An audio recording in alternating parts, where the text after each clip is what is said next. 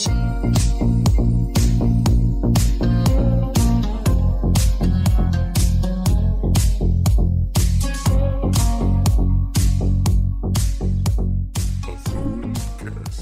بيكم في تامن حلقة من أثول كاست.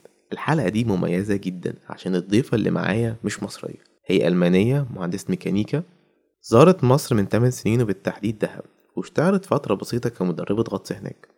رجعت ألمانيا بعد كده واشتغلت في الصحافة والعلاقات العامة. بعد كده قررت إنها تسيب برد ألمانيا وتستقر في دهب وتفتح هناك كووركينج سبيس أو مساحة عمل مشترك ويعتبر نادي للعمل الجماعي لكل الناس في كل المجالات وحاليا موجود منها كتير في مصر. المختلف في الضيفة اللي معايا إنها بدأت بيزنس في مصر وهي أجنبية وما تعرفش كتير عن قوانين البلد دي. وهي خلاص بتجهز تفتح المكان في دهب وبالتحديد في أكتوبر 2015 عرفت بخبر وقوع الطيارة الروسية جنب شرم الشيخ اللي كان ليها تأثير كبير على ركود السياحة في شرم الشيخ. اسمعوا الحلقة ديت عشان تعرفوا إزاي هي قدرت تتغلب على المشكلة دي غير النصايح اللي هي بتقدمها لكل رواد الأعمال في مصر. أحب أقول لكم إن المحادثة ديت تمت بالإنجليزي مش بالعربي عشان الضيفة ألمانية طبعا لكن هتلاقي المحادثة دي مكتوبة وموجود اللينك بتاعها في البوست ده وعلى الساوند كلاود وعلى اي تيونز أحب أعرفكم بميرا أورنولد.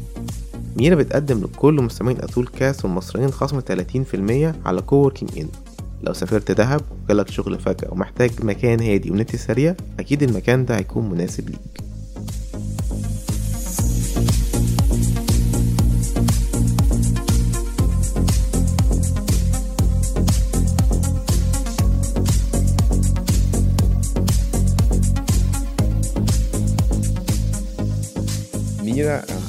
Really glad that I'm hosting you on my podcast. Thank you for letting me host you here. Hi. Before we begin, Mira, uh, can you describe me how was your journey from a stable job in Germany to opening a co-working space in Dahab? Like what bumps you have faced during this transition and what made you push you to take this decision? Yeah, at first I, I was working as an industrial mechanic in Germany and uh, came the first time to Dahab as and worked here as a dive guide. So and I was falling in love with this place, community, and yeah, the people and everything. I don't know if you have been in Dahab, you know what I'm talking about. Yes. it's just a wonderful place. Uh, but then I went back to Germany and tried a normal life again, like with a corporate job and everything. And then I realized, no, I want to, I want to do something different. I want, I want to do something more. So I started to study again, technical journalism and public uh, relations.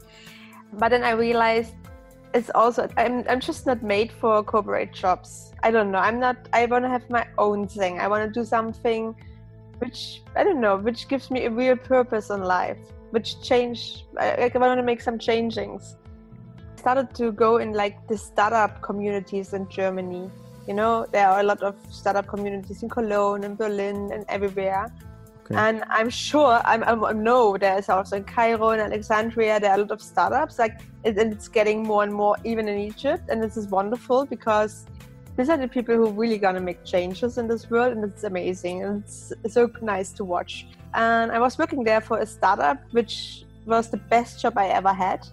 It was just amazing. I don't know, people and the kind of work, and I don't know, it was perfect. But the only thing, or two things, I wasn't happy about uh, was it was not my project, and it was winter in Germany was coming, and I'm not good with winter and cold weather. So I remember the time when I was living in, in Dahab, and I always was looking how I can come back and to what can I do to make a living here.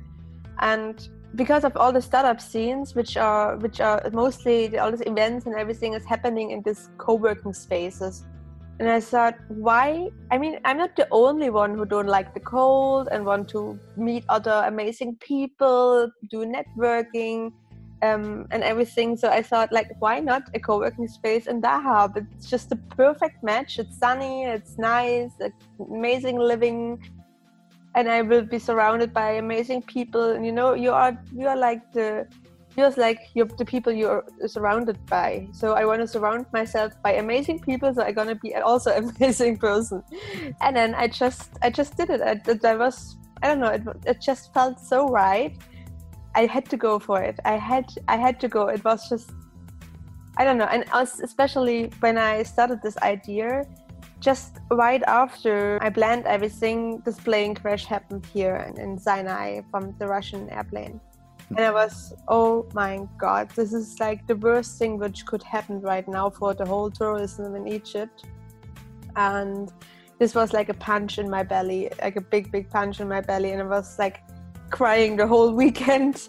And I didn't know what to do because finally I found my purpose in life, which I really want to do, I really want to fight for. And then something like this happened and i was crying the whole weekend. And then after that i realized no no i still have to do it especially now because i want to show what amazing place egypt and also dahab is to the whole world. And i want to bring international people to this place and see how amazing it is. And even in this moment it needs the most this movement. So and i thought like I'm gonna try, and since two years I'm trying, and actually it's working out quite well. Yeah. So you founded the co-working in Dahab uh, two years ago, right? Yeah, the first of February. No, the fifteenth of February, 2016. Yes. How long did it take after you founded the co-working space until the plane crash? I think a couple of months. No, it was like before. It was 2015 in October, but I was already planning to do it. You know, I was I wanted to start to do it and I was planning and organizing and everything and then finally the plane crash came and I like so what should I do? Should I still follow my dream or should I like is it a sign not to do so? But you kept on going. That that's yes. amazing. It was like yeah it was horrible. Uh, but I came here and like I saw these people and all my friends and like the locals and also the expats which are living here and everyone was suffering from this so much and I thought, yeah, I'm good in marketing. I, I want to do marketing like for displays and for Egypt. And and I think, yeah, I think a lot of people came through me now here. A lot of people actually, yes. And I'm still keep I'm keep going, yeah. okay, Mira, uh, what kind of resistance have you faced uh, back in Germany when you were telling your loved ones that you are moving to Dahab? I mean, because I was living here before, so they knew I'm totally in love with this place. So it was not such a big surprise, actually. But yeah, I mean, of course, some are worried and like, are you sure you want to do this? But I, they knew they couldn't tell me anything. I don't know. I know what I want. okay, of all the things that happened before you opened the co working space, you still find Dahab attractive in any other place in the world? Like, what specifically attracted you to settle in Dahab? The weather, the ocean, and the mountains in the same pla- in the same place because uh, the ocean has something which calms you down, and the mountains do so too. And here, this is the place where we have both, which is amazing. The people, for sure, everyone is so friendly and smiling at you and get invited for tea here and there. And i know if i would have a problem i'm sure i, I know people who would always like to help me. It's i don't know. It's especially also with the bedouins here. They are amazing people uh, which are so friendly. If you are a good person and you're good to them they are good back to you. And this is i don't know. It's it's amazing.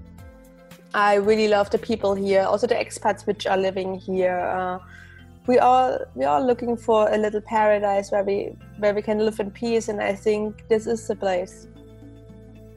Before you came to dahab even before you founded the co-working in what fears did you have before you moved in? I did had no fears. I mean um, just what happens i was asking myself what happens if it doesn't work out? So what is the worst thing which could happen? Yeah then i'm going back to germany and for sure i find a place where my parents uh, where i can live a little bit with my parents and then find something else to do. But i don't know. In the beginning i had, had nothing to lose you know? I just want to try. And that's what i did.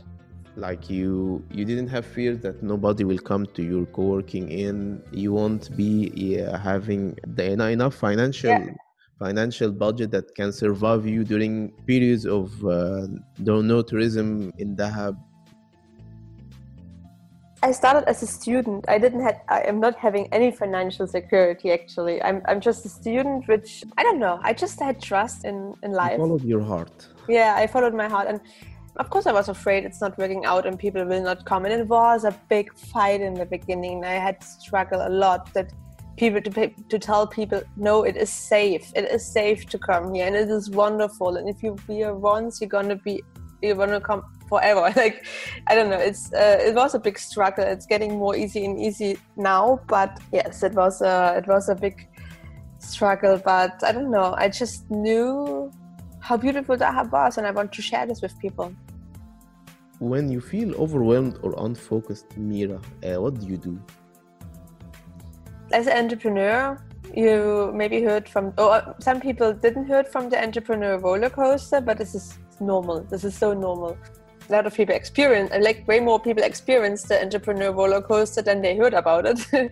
so it's like normal that you're having a high and you're like, wow, this is working well and it's great. We're gonna go to the moon. And like, I don't know, you're totally in, in love with your life and everything you do and but there are also moments where you like oh my god what i'm doing. Oh my god it's never gonna work out. You have these days where you just i don't know want to stay in bed and cry. I don't know. But this is totally normal. And what i learned is especially when you have struggles ask yourself what can i do to make them help me? You know like think about think around the corner. How you can use this kind of problem you have for yourself how you can use it? What is the i don't know it's a big learning you can you will have during founding a business but um I, it's to give up is never an option or? I don't know not for me. So you the problem you face that you see the benefits in it and use it. That's yes exactly. Yeah. So you know don't go against the current use the current to go with like if it's like if you want to say it like this. Like if there is something facing you don't fight don't fight. Like just think smart. How can you use it for you so for yourself and your business? In the last five years what new belief or behavior or habit that you have made which have improved your life Oh, there are a lot. I'm, I'm, last five years, my life totally flipped around. I stopped smoking and drinking. I don't know, I'm more focused because of that. the most important thing, like I said in the beginning, is surround yourself with people who are smart and believers and push once that reach your goals, not try to hold you back because they are afraid to do so too, you know? There are two different kind of people. Some who who wants to push you that you can make it and help want to help you to follow your dreams. And there are other people who say oh no this will not happen just because of they are maybe afraid that you're gonna reach your goal and they won't. I don't know. Surround your people with the right uh, surround yourself with the right people and try to to be a better person every day as well. Just learn read books listen to podcasts like this, visit events which are in your city, startup events, co-working events, in the internet. You find so many YouTube channels as well, which where you can learn a lot. And the internet makes it really easy. Just you have to go and I don't know, just take action. That's really nice to hear, especially the friends section. Yeah. But that's that's what why we have co-working spaces. This is exactly the point. This is there you find the right people. You make communities. You meet exactly. Yeah, yeah. different types of people. Yes. Okay, because of your co-working space, Mira, I assume that you have met Egyptian entrepreneurs, or at least you have been following all the entrepreneurship uh, ecosystem during your stay in Egypt. Yes. In your opinion, what is this one element that you think it is missing in all Egyptian entrepreneurs? From your point of view? I never thought about that. oh, this is, a, this is a tough one, actually. I know Egypt have way more potential, but you are just in you're just in the beginning of like the whole startup things and entrepreneur stuff. I think um, that's what I I'm feeling. I'm not I'm not sure if I'm I'm right with this. Just what I experienced, or you know, because when you're starting a startup and you're going to be an entrepreneur the beginning you don't have money you will not have money. You need years, probably. You have to calculate with years that you're gonna that you're gonna be successful. It's not coming from one day to the other, you know.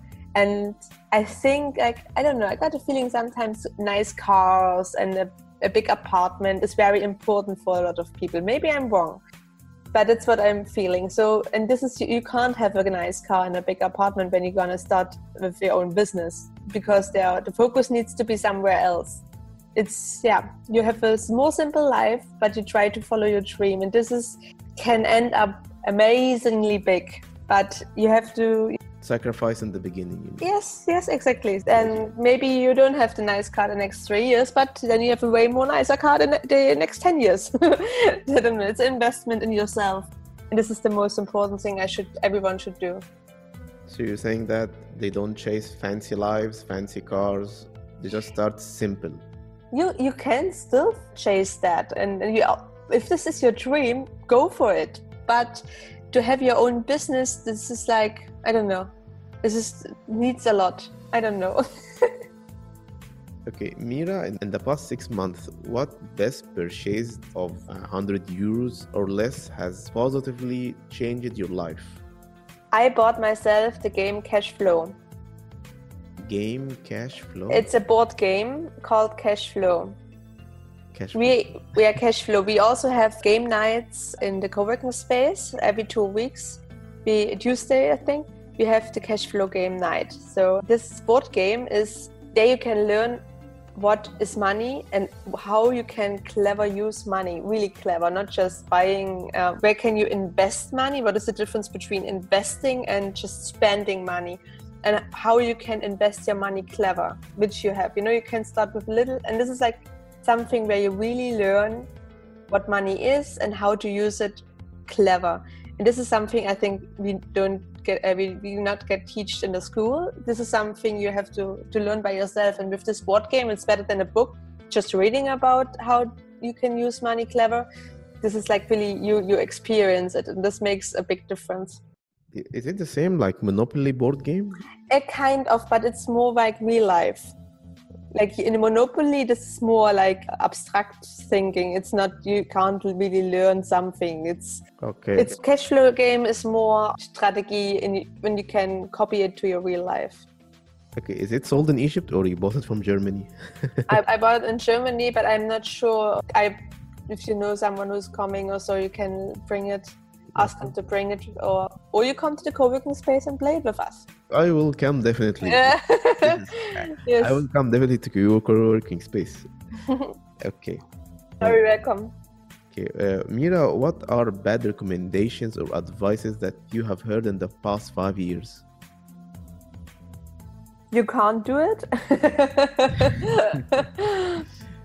yeah, this is the biggest one, I think. Yeah, I don't know why people sometimes uh, don't believe in others. Maybe they don't believe in themselves anymore. This is the biggest thing, you know, and then they just copy it to others. But I, I don't know. Other bad advices. Hmm, there is never a bad advice actually. Even a bad advice brings you to, to you and shows yourself like, no, no, no, I'm not doing this because I got a feeling more this is not my thing, so I'm gonna go this other way. Then it even is a good advice because it just clears your mind what you don't want. So I don't know. What advices would you give to a smart driven college student about to enter the real world? Yeah, the most important thing is that you find a purpose for your life.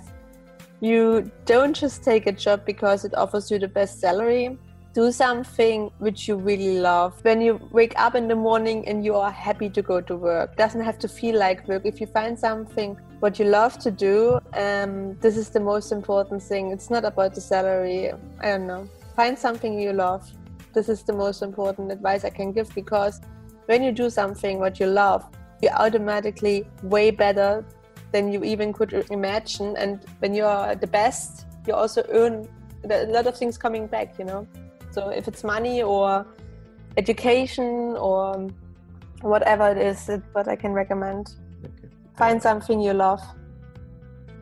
What are the best books that you recommend anybody to read when they start a co-working space and to be an entrepreneur?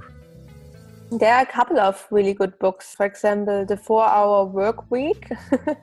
it's not really about just four hours working, but it's like what I said if you do something you love, it doesn't feel like work. And then you don't calculate it as work, you know. But if, yeah, this is some, it's a really nice book.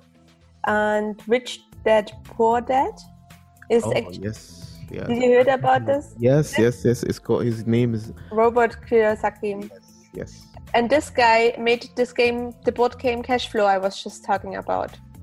Okay, he's the one who invented the board game. Yes, yes, Okay. yes. I don't know. I have a. I'm reading mostly in German, so um, we have another one, Reicher als die Geissens. It's called. It's a good book from from a big investor, and he's giving a lot of advices also about not just if like about money. Does money really makes you happy and stuff like this? And what is the the key of life? What is the purpose? Why we are here and stuff like this? This is really uh, nice. I don't know. I think you can't read a wrong book you will you always will find something you learn out of it i think you know? So and just start to to improve yourself. Just spend time reading books but not like romance but really books where you can learn something and not waste it in front of tv or with bullshit. I don't know. it's like which just things ti- uh, eat your time. Invest your time. It's we don't have that much from Mira, as I told you before, that the aim of hosting you in my podcast, that you're one of a kind, that you're doing business here in, as an entrepreneur and as a foreigner in the eyes of the Egyptians.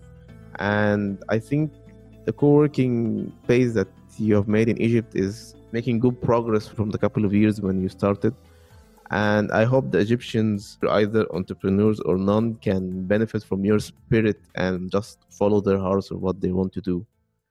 Of course, they are always welcome every time. Yeah, that's what that's my purpose in life to help others to achieve their dreams too. Okay. Thank you, Mira. Thank you. Thank you. Hey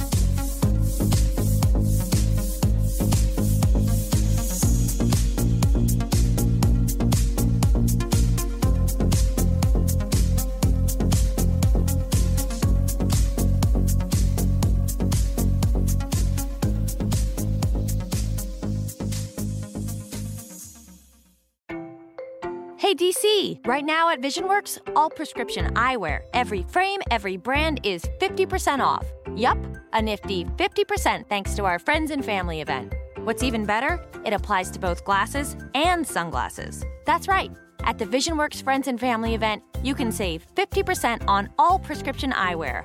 Why? Because we like you, DC. A lot. VisionWorks, we're here to help you. Some restrictions apply. See store for details.